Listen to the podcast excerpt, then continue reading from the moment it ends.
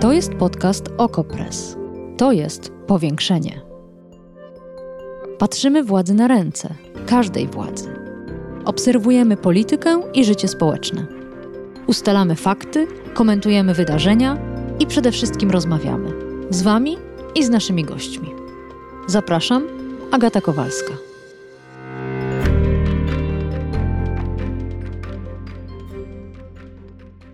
To chwilowa moda, to wpływ Zachodu. Tego u nas nigdy nie było. Ludziom to się teraz w głowach poprzewracało. To obce polskiej tradycji i historii. To wina tych amerykańskich seriali dla młodzieży. Dzisiaj w powiększeniu sprawdzimy, czy rację mają ci, którzy twierdzą, że LGBT nie jest z Polski, że osoby i społeczność LGBT, że queerowość, homoseksualność, transpłciowość i wszelkie inne nieheteronormatywne odmiany życia są w Polsce napływowe i że napłynęły oczywiście z zachodu. A skoro tak, to najlepiej by było, żeby sobie odpłynęły. Zapraszam na ten odcinek powiększenia.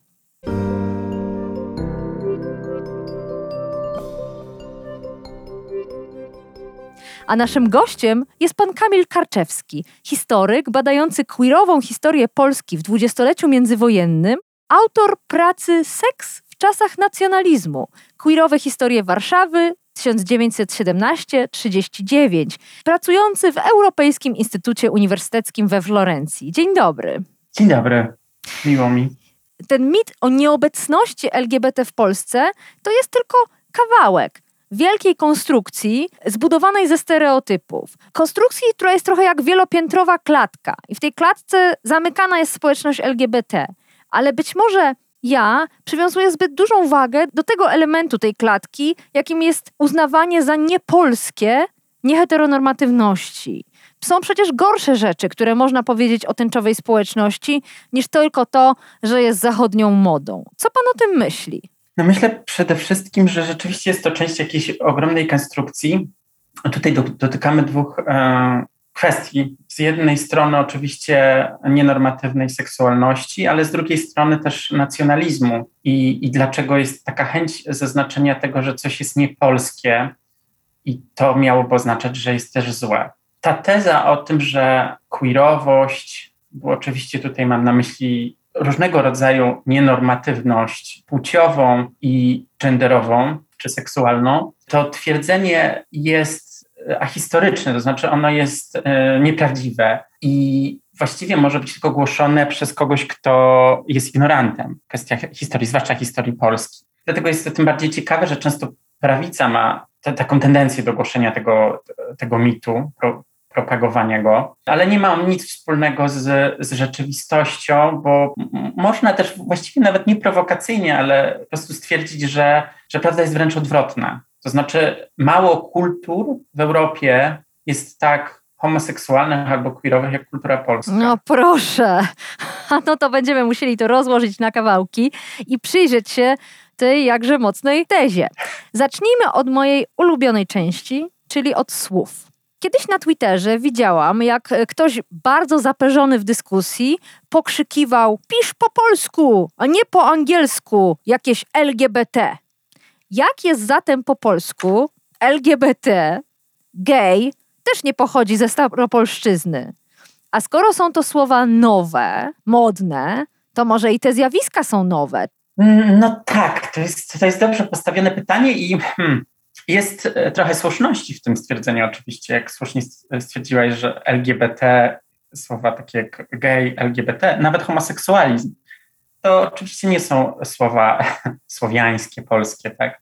Bo mamy inne słowa, czy mieliśmy. Takim popularnym słowem było mm, przed wojną światową, a może nawet pierwszą wojną światową, słowo odmieniec. Dość popularnym słowem, chociaż też niekoniecznie polskim, ale popularnym dwudziestoleciu był homoerota, odnoszący się do mężczyzn kochających czy pożądających innych mężczyzn. Ale to była obelga, czy to było po prostu określenie? Myślę, że one na, na pewno nie były obelżywe w, w, taki, w takim stopniu jak wiele późniejszych obelg. Też niektóre słowa, na przykład ciota, o ciota to jest typowo polskie słowo i ono nie było obelżywe początkowo, albo przynajmniej nie tak obelżywe jak dzisiaj, ponieważ było używane przez samą społeczność, przez mężczyzn na warszawskich pikietach na przykład, czy mężczyzn, którzy się spotykali i oni się wzajemnie dość w taki ironiczny sposób określali, określali ciota, ciotka, ciocia. Zresztą nie było to też typowo polskie, ponieważ w innych językach to porównanie do ciotki też, też funkcjonuje. Anti to się pojawia w języku angielskim. E, zdaje się, że w, w, Angiel, w po rosyjsku się mówi tetka, więc może, może to też przyszło jeszcze bardziej ze wschodu. no proszę. Rozumiem, że lesbijki nie istniały, lesbijki nigdy nie istnieją w naszej społeczności, zatem i słowa nie było, bo na razie mówimy tylko o mężczyznach. No właśnie, tutaj jest zasadnicza kwestia, która wraca i do pierwszego pytania, tego na temat mitu, i do, do słów, którą wydaje mi się, że musimy zaznaczyć na samym początku, żeby zrozumieć, że to nie jest czysty zabieg prowokacyjny, gdy mówię o kulturze polskiej jako homoseksualnej czy queerowej w ogóle pojęcie homoseksualizmu, słowo pojawiło się generalnie nie tylko w języku polskim około 1869 roku. Czyli to jest słowo, które ma około 150 lat. I to jest słowo też, które w języku polskim właściwie nie stało się bardzo popularne aż do okresu po II wojnie światowej, czyli do PRL-u. Tak jak powiedziałem, na przykład w dwudziestoleciu używano wielu różnych słów. Wiele z nich nie było obelżywych. Często nie było po prostu nazwy. Do czego tutaj zmierzam? Zmierzam do tego, że często jeśli coś nazwiemy, to to zaczyna istnieć. I rzeczywiście taki pomysł, że mężczyzna kochający innego mężczyznę, przepraszam, że odnoszę się teraz do mężczyzn, bo w stosunku do nich używano na początku tego słowa i jak słusznie powiedziałaś, nie, nie do kobiet, że mężczyzna kochający innego mężczyznę to jest oddzielny typ człowieka. To jest coś, co stanowi o tożsamości myślano o tym na początku, i ja to mówię o końcu XIX wieku i początku XX. Niektórzy lekarze myśleli o tym jako o chorobie albo o problemie, niektórzy prawnicy myśleli o tym jako o przestępstwie. Ale to był wymysł czy pomysł końca XIX wieku. I ten pomysł narodził się powiedzmy gdzieś pomiędzy Berlinem a Wiedniem i on przybył do Polski, czy w obszar polskojęzyczny i często nie był zrozumiany przez osoby tutejsze. I mhm. tutaj wracamy, to znaczy zdarzały się kobiety i mężczyźni zawsze, którzy zakochiwali się w osobach tej samej płci, mieli z nimi relacje, często relacje, które właściwie przypominały relacje małżeńskie. Niedługo ukaże się mój artykuł o parze, zresztą z prowincjonalnej Polski, nawet nie z dużego miasta z wczesnych lat dwudziestych, która e, składała sobie w tajemnicy przysięgę że nigdy się nie opuszczą i będą zawsze razem, ale często te osoby, zazwyczaj te osoby nie myślały o sobie, powiedziałbym, że bardziej były queerowe niż homoseksualne. Znaczy była większa płynność, bardzo często to się przejawia i również w tych znanych osobach queerowych w Polsce, jak Maria Dąbrowska czy Jarosław Iwaszkiewicz czy wielu innych, że te osoby nigdy nie wykluczały ze, ze swojego życia możliwości zakochania się w mężczyźnie albo w kobiecie. To się po prostu zdarzało. W tym sensie były bardziej queerowe,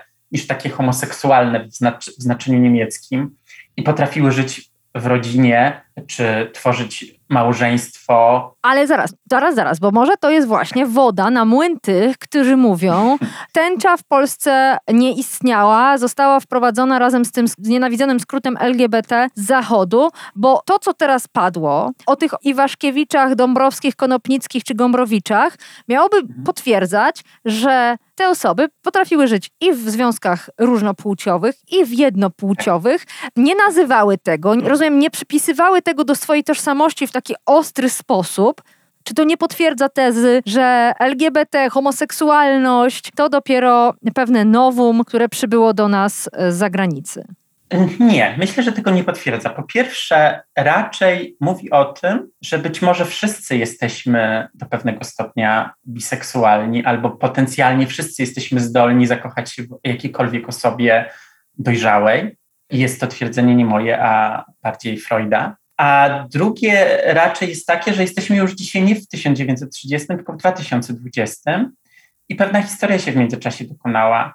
E, z powodu właściwie homofobii narodził się ruch emancypacyjny i wytworzyło się takie pojęcie tożsamości. I dzisiaj właściwie, jeśli ktoś, jeśli wiele osób w społeczności queerowej, czy e, jak to powiemy LGBT, czuje taką potrzebę, żeby zaznaczyć swoją obecność, uważam, że mają on, one zupełnie do tego prawo i taka tendencja istnieje jakby w całym świecie. To znaczy, to, że tak jak powiedziałem, było w XIX wieku czy na początku XX wieku, no, nie, nie możemy jakby zawrócić historii. W wielu dziedzinach no, wie, wiemy, gdzie były kobiety na początku XX wieku, jaka była sytuacja osób o innym kolorze skóry. Jesteśmy w wieku w XXI, w roku 2020 i dzisiaj mamy już do czynienia z ruchem emancypacyjnym. To znaczy, to prawda, że dzisiaj też ten ruch idzie w innym kierunku, właśnie w większej elastyczności, płynności, właśnie w, w kierunku queerowym, dopuszczającym różnego rodzaju elastyczność w podejściu do seksualności albo nie mhm. kładący nacisku na konieczne określanie się po jakiejkolwiek stronie, zwłaszcza takiego binarnego podziału mhm. homo, hetero, czarne, białe. Mhm. A jest... właściwie indywidualnego eksplorowania tego, z kim chcę być, w kim mogę się zakochać, z kim mogę być szczęśliwy, z kim czuję się dobrze. Polska społeczność LGBT emancypuje się w odpowiedzi na homofobię czy queerfobię wydaje mi się, że gdyby prezydent, na przykład prezydent Duda w czasie kampanii nie, nie wytoczył tych starych, antymniejszościowych dział, sięgających korzeniami co najmniej II wojny światowej, to wiele osób w Polsce nie czułoby potrzeby, żeby tymi flagami machać. Chodzi mi o to, że im, im większa homofobia, im większy atak, tym oczywiście większa jest ta konieczność utożsamiania się i walki i e, zaznaczenia swojej obecności. Wróćmy na chwilę jeszcze do wymienionych przeze mnie osób. Gombrowicz, mhm. Dąbrowska, Konopnicka i Waszkiewicz. To są nazwiska, które się przewijają za każdym razem jako dowody w sprawie na obecność osób queerowych w historii Polski. E, dowody i też tacy celebryci, osoby znane, zwłaszcza ta Konopnicka jest z wielką radością zawsze przez społeczność na sztandarach wynoszona. No a może to jest zarazem argument, na to, jak rzadkie, a właściwie prawie nieobecne było to zjawisko w Polsce. Kilka nazwisk na przestrzeni 100 lat to nie jest żadna część społeczeństwa, tylko parę osób z elit, którym było wolno więcej. Jak pan się do tego odniesie? Myślę, że to twierdzenie byłoby słuszne w przypadku Niemiec na przykład, czy może nawet Francji. Więc jeśli pomyślimy o historii Polski w XX wieku, to z jednym zastrzeżeniem, z takim, że będziemy mów że mówimy tylko o osobach, o których na pewno wiemy. Nie wiemy o tych wszystkich, którzy byli w szafie, którzy czasami, e, nie wiem, siedząc w teatrze, myśleli, fantazjowali o osobie tej samej płci siedzącej obok, ale nigdy nic nie zrobili. Tych, którzy mieli przygodę w pokoju hotelowym, w hotelu sejmowym, gdzieś na wycieczce, gdzieś w jakimś dworku. Mówimy tylko o tych osobach. Słusznie wspomniałaś Konopnicką, Dąbrowską, Iwaszkiewicza, ale mamy tu też takie, mamy tutaj Szymanowskiego, największego kompozytora XX wieku, albo zazwyczaj uważanego za drugiego po Chopinie kompozytora w historii Polski. Mamy tutaj takie nazwiska jak Paweł Herz, Witold Gombrowicz, Józef Czapski, Anna Kowalska, partnerka Marii Dąbrowskiej. Tak, ale zaraz, te, te nazwiska tylko potwierdzają to, co ja powiedziałam. To jest wciąż garstka celebrytów, jakbyśmy dzisiaj to nazwali, z warstwy elit, a nie zjawisko społeczne. Co pan na to? Nie jest, nie jest to garstka. To, ja od czasu, jak zacząłem 6 lat temu robić moje badanie na temat historii tylko w dwudziestoleciu międzywojennym, za każdym razem, kiedy czytałem korespondencję tych osób, za każdym razem, kiedy czytałem ich wspomnienia, robiłem sobie taką mapę, którą mam, gdzie wspomniane są osoby, z którymi te, te osoby utrzymywały relacje seksualne, romantyczne. Ta mapa, którą sobie rozrysowałem, ma dzisiaj chyba 80 imion i nazwisk i ja bardzo dużo osób pominąłem. O tym Antoni Słonimski pisał w dwudziestoleciu międzywojennym. W jednym ze swoich felietonów napisał, że połowa polskiej elity to pederaści. On takiego słowa wtedy użył, które nie było tak obraźliwe jak, tak. jak dzisiaj, ponieważ wielokrotnie Iwaszkiewicz o sobie pisał, że jest pederastą. Więc on mówi, że połowa z nas. Gombrowicz mówi, że homoseksualistą się bywa. On nie, on nie bierze w ogóle tej tożsamości na siebie. Mówi, że homoseksualistą się, się czasami jest, czasami się nie jest. Czesław Miłosz retorycznie zapytał w jednym ze swoich tekstów, kto z nas nie ma tego pragnienia. Mało tego, ponieważ to, to nie jest tylko mała garstka, to jest większość, albo przynajmniej, jak mówi Słonimski, połowa. I to połowa, to, to są ludzie, o których wiemy, ale są jeszcze na pewno tacy, o których nie wiemy, e, którzy mieli takie pragnienie i często ono weszło do kanonu i do literatury i jest tam obecne. U Iwaszkiewicza typowym zagraniem jest e, trójkąt kobieta, dwóch mężczyzn i pożądanie, które właściwie oscyluje wewnątrz tego trójkątu. To, to, to bardzo weszło do kultury, do największych, do największych takich historii literackich typu e, Panny z Wilka. Też to pragnienie jest czasami zakodowane, może nie od razu obecne, ale, ale jakby przesio- wiele z dzieł literackich czy muzycznych, tak jak w przypadku Szymanowskiego, jest przesiąknięte pragnieniem homoseksualnym. Dlatego powiedziałem, że kultura polska jest wyjątkowo homoseksualna w porównaniu z innymi kulturami europejskimi, a to dlatego, że często w innych przypadkach, tak na przykład we Francji, Żyd otwarcie mm, przyznawał się do homoseksualizmu i dostał tą łatkę autora homoseksualnego. Natomiast ponieważ wielu z naszych autorów paradoksalnie się nigdy tak nie określiło publicznie, publicznie tylko zaznaczam, jakby przed cał- na tej scenie narodowej, to pozwoliło im wejść w, w sam środek tego kanonu. To znaczy stworzyć polską kulturę, która jest głęboko przesiąknięta pragnieniem queerowym, pragnieniem homoseksualnym. No to będę coraz bardziej utrudniała. Transpłciowość. Obecnie nawet, w tym 2020 roku, o którym Pan tak mówił, jest ona ukrywana w Polsce, poukrywana. Przez lata była całkowicie niewidoczna. Potem powoli oni się jako społeczeństwo dowiadywaliśmy, często w takiej atmosferze sensacji czy zadziwiającej tajemnicy. Ja pamiętam taki słynny reportaż Katarzyny Surmiak-Domańskiej o transpłciowym mężczyźnie. Później mieliśmy odkrywanie transpłciowości całkowicie świadome, z niesamowitą odwagą. Był to przypadek posłanki Anny Grodzkiej. Jak to było kiedyś? Gdzie się ukrywał ten polski trans? Czy on w ogóle istniał? Oczywiście on istniał, tylko że mamy jak zwykle, jak już, wcześniej, jak już w wcześniejszych przypadkach, problem z nazewnictwem. To, że coś nie ma nazwy, to nie znaczy, że nie istnieje, ale może tak być, że dopóki nie zostaje nazwane i stygmatyzowane, jest bardziej powszechne mieści się w granicach pewnej normy albo czegoś, co jest tolerowane. I myślę, że tak było często w przypadku Polski. Musimy pamiętać, że, że są dwa bardzo silne nurty w historii dwudziestowiecznej Polski. Jeden to jest nurt związany z Kościołem katolickim, a drugi to jest nurt oczywiście związany z PRL-em i z komunizmem. I oba te nurty były silnie pruderyjne. E, one mają bardzo dużo ze sobą wspólnego. Też takie tendencję do kontrolowania jednostki, jej życia i układania go w określony sposób. I tutaj dochodzimy do wspomnienia dwudziestolecia międzywojennego. Wiemy dzisiaj ze źródeł, to są gazety z dwudziestolecia międzywojennego, dokumenty policji.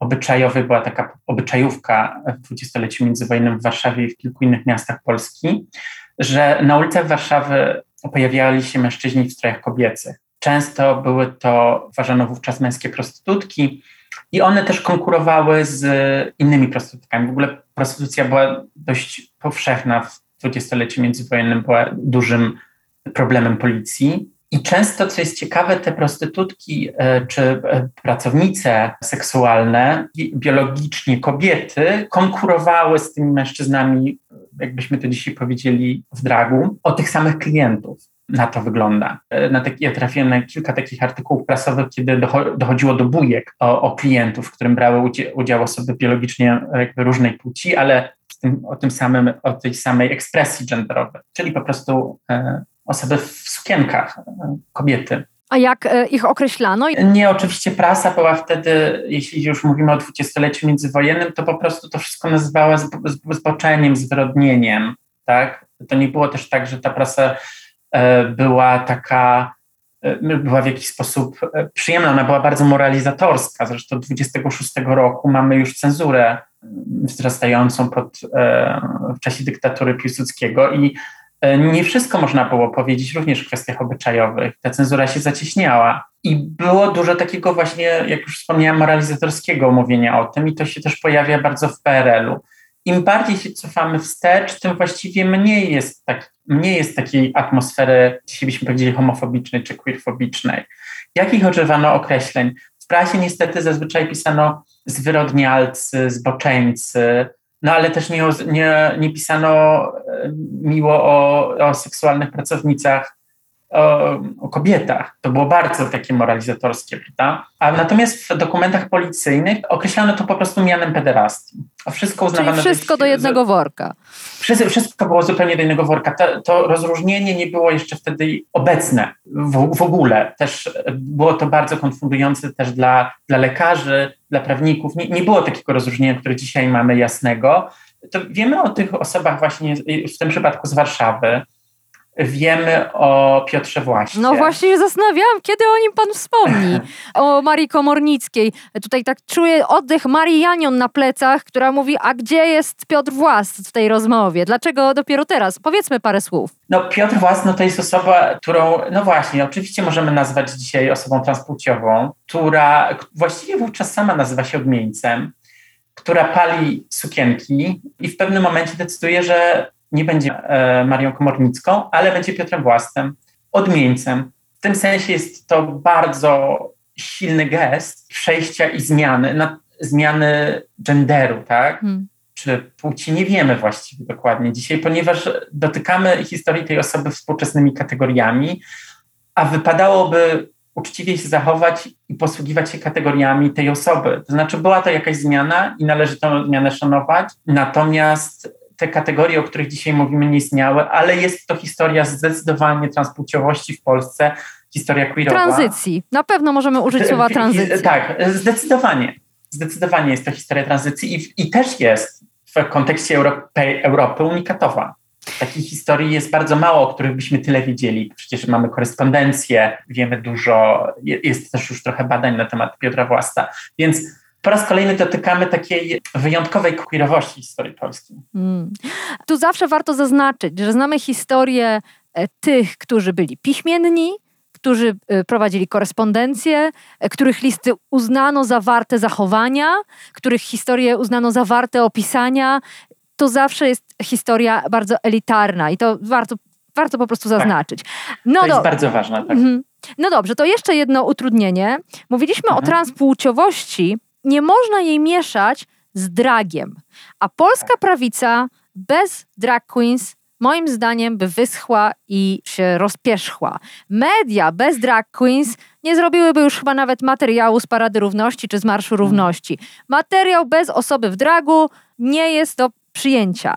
Homofobiczna ulotka musi zawsze ostrzegać rodziców przed osobami w dragu, bo to jest takie dziwne, inne, przesadzone, Słowem jakie? Nie polskie. No więc jak to jest z tym dragiem? Czy on rzeczywiście jest całkowicie importowany?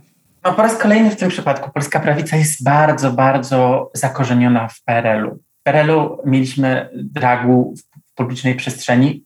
N nie wiem, ja się nie zajmuję PRL-em, ale byłoby go bardzo mało albo był praktycznie nieobecny w sensie publicznie. Prywatnie zapewne był, zapewne był. Tak jak powiedziałem, w pewnym momencie w latach 30 pod koniec lat 30. zacieśnia się cenzura, zacieśnia się kontrola obyczajowa w Polsce. Oczywiście potem wchodzi Hitler, który um, i różowe trójkąty, wysyłanie osób homoseksualnych do obozów, mężczyzn.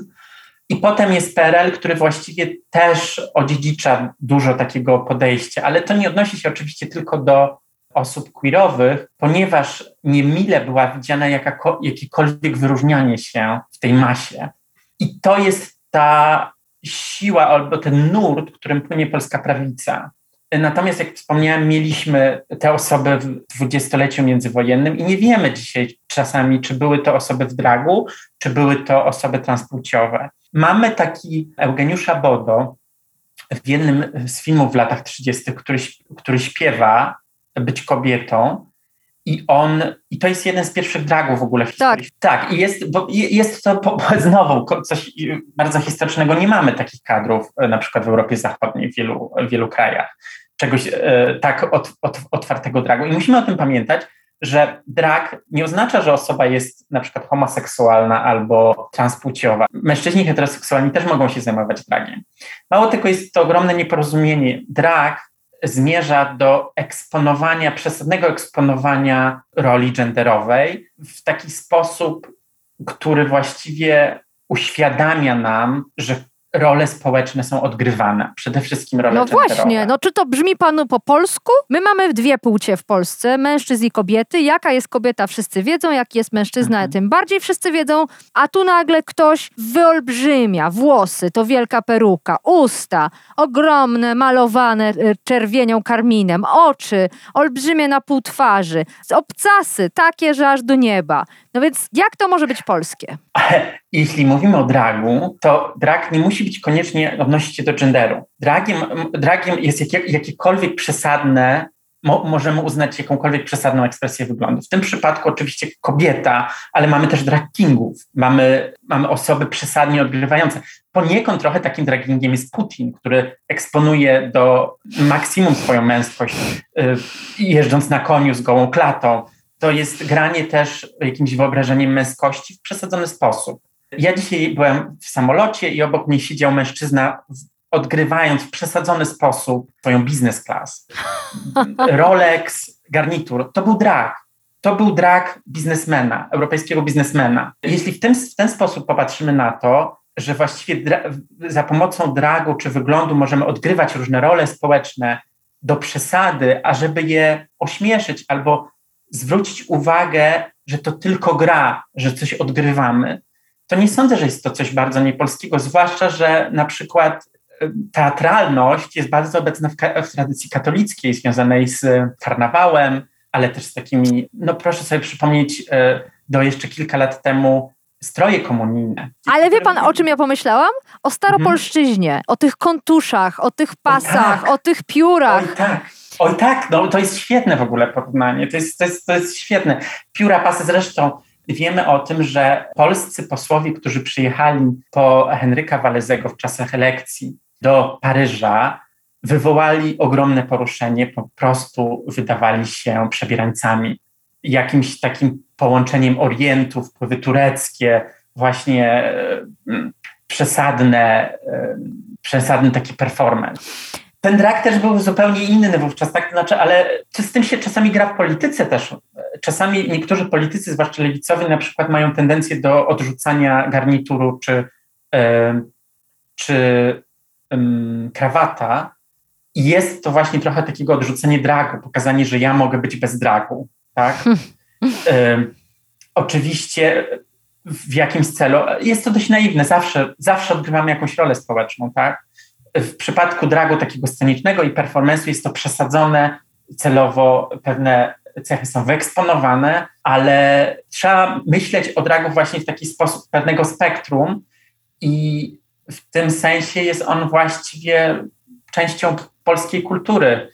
Może trochę przyciemnioną w okresie PRL-u, na pewno w okresie wojen, ale w jakiś sposób takie przebieranie się było zawsze obecne w Polsce. Hmm.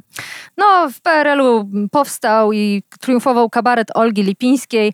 Bez A. dragu ten kabaret by po prostu się nie udał.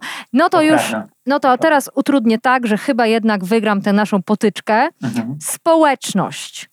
Często się uznaje lata 80. za początek budowy społeczności LGBT w Polsce. Wtedy powstawały pierwsze pisma, organizacje, mikro, takie pierwsze spotkania. Czy to był w takim razie wpływ Zachodu? Czy wreszcie dotarliśmy do punktu, w którym już pan się nie obroni i przyzna, że społeczności, wspólnoty, wsparcia, solidarności, samoorganizacji wcześniej w, mm, e, w, te, w tej grupie nieheteronormatywnych osób nie było? No poniekąd się przyznam i e, jeśli tak to ujmujesz, ale tylko w tym sensie, że tak jak wcześniej powiedziałem, tak, na przykład termin homoseksualny przyszedł z, niemieckiego, termin, termin gay przyszedł z angielskiego, ale w tym sensie mógłbym wręcz powiedzieć, że po, polska kultura jest bardziej queerowa niż, niż gejowska, zdecydowanie. Mhm. Natomiast aktywizm polski w latach 80. wraca, ale są początki aktywizmu już w dwudziestoleciu międzywojennym. Polska jako pierwszy kraj, oprócz Związku Radzieckiego, w XX wieku zdekryminalizowała homoseksualizm. To się nie udało w Niemczech. Wielka Brytania zdekryminalizowała relacje seksualne między osobami tej samej płci, między mężczyznami w tym przypadku, w latach 60. Ale to był, nie był przecież efekt działania społeczności, bo tej społeczności nie było. skoro, tak jak powiedzieliśmy, nie było homoseksualistów, czy nie było gejów, to nie było też społeczności. Natomiast poglądy, że coś takiego nie powinno być kryminalizowane, ponieważ może zdarzyć się każdemu, trochę przesadzam, ale no tak, tak w gruncie rzeczy było, jakby to spowodowało, czy nie było może takiego aktywizmu, jak był wówczas w Republice Weimarskiej, czy w, Niem w Niemczech. Natomiast było głębokie przekonanie, że, że to nie powinno być przestępstwo. W komisji, która zdecydowała prawników w wczesnych latach dwudziestych, żeby znieść kryminalizowanie homoseksualizmu, był tylko jeden głos sprzeciwu.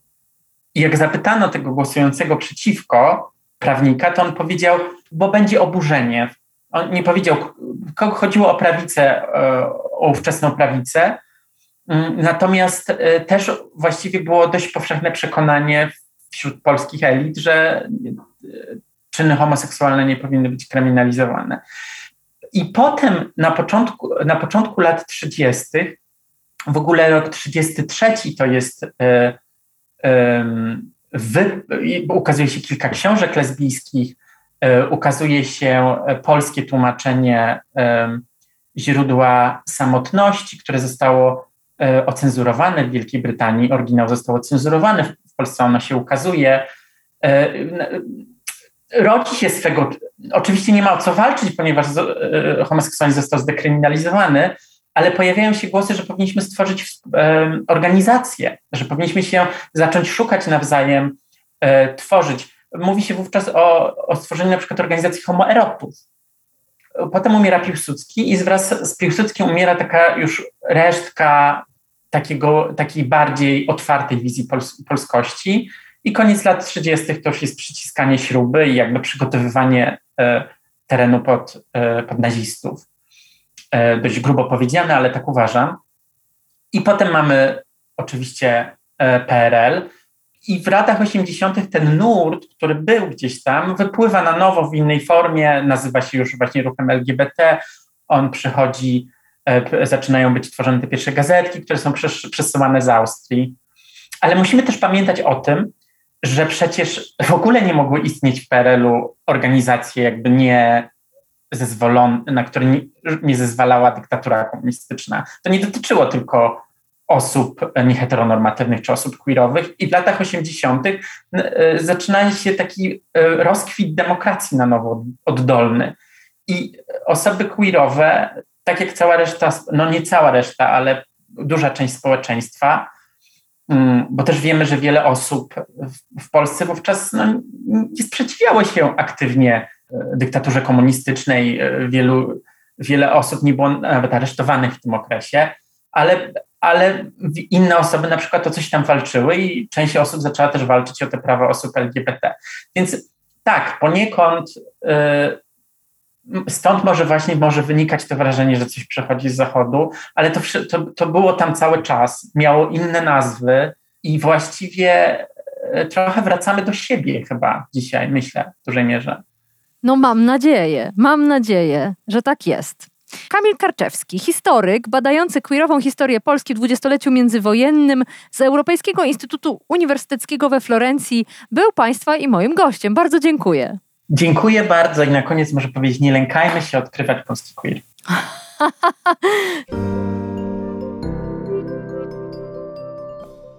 Dziękuję Wam za wspólnie spędzony czas. Sobotnie odcinki powiększenia będą służyły obalaniu mitów. To już był drugi z tej serii. Wcześniej zastanawialiśmy się, czy życie w mieście bez samochodu jest możliwe i czy może być wygodne. Zachęcam Was do przesyłania do mnie tego rodzaju mitów, pytań, poglądów, które warto by rozstrzygnąć. Adres agata.kowalska press. Wspólnie pobalajmy jakieś błędne przekonania. Naprawdę zachęcam. A teraz udaję się na urlop. Usłyszymy się zatem za dwa tygodnie. Pozdrawiam Was i czekam na mail.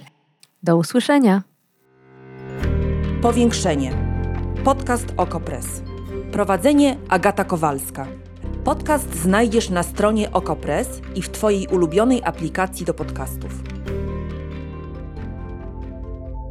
Redakcja Okopres działa od 2016 roku. Jesteśmy obywatelskim narzędziem kontroli władzy, obecnej i każdej następnej. Okopres utrzymuje się z Waszych darowizn. Wesprzyj nas, byśmy mogli działać dalej.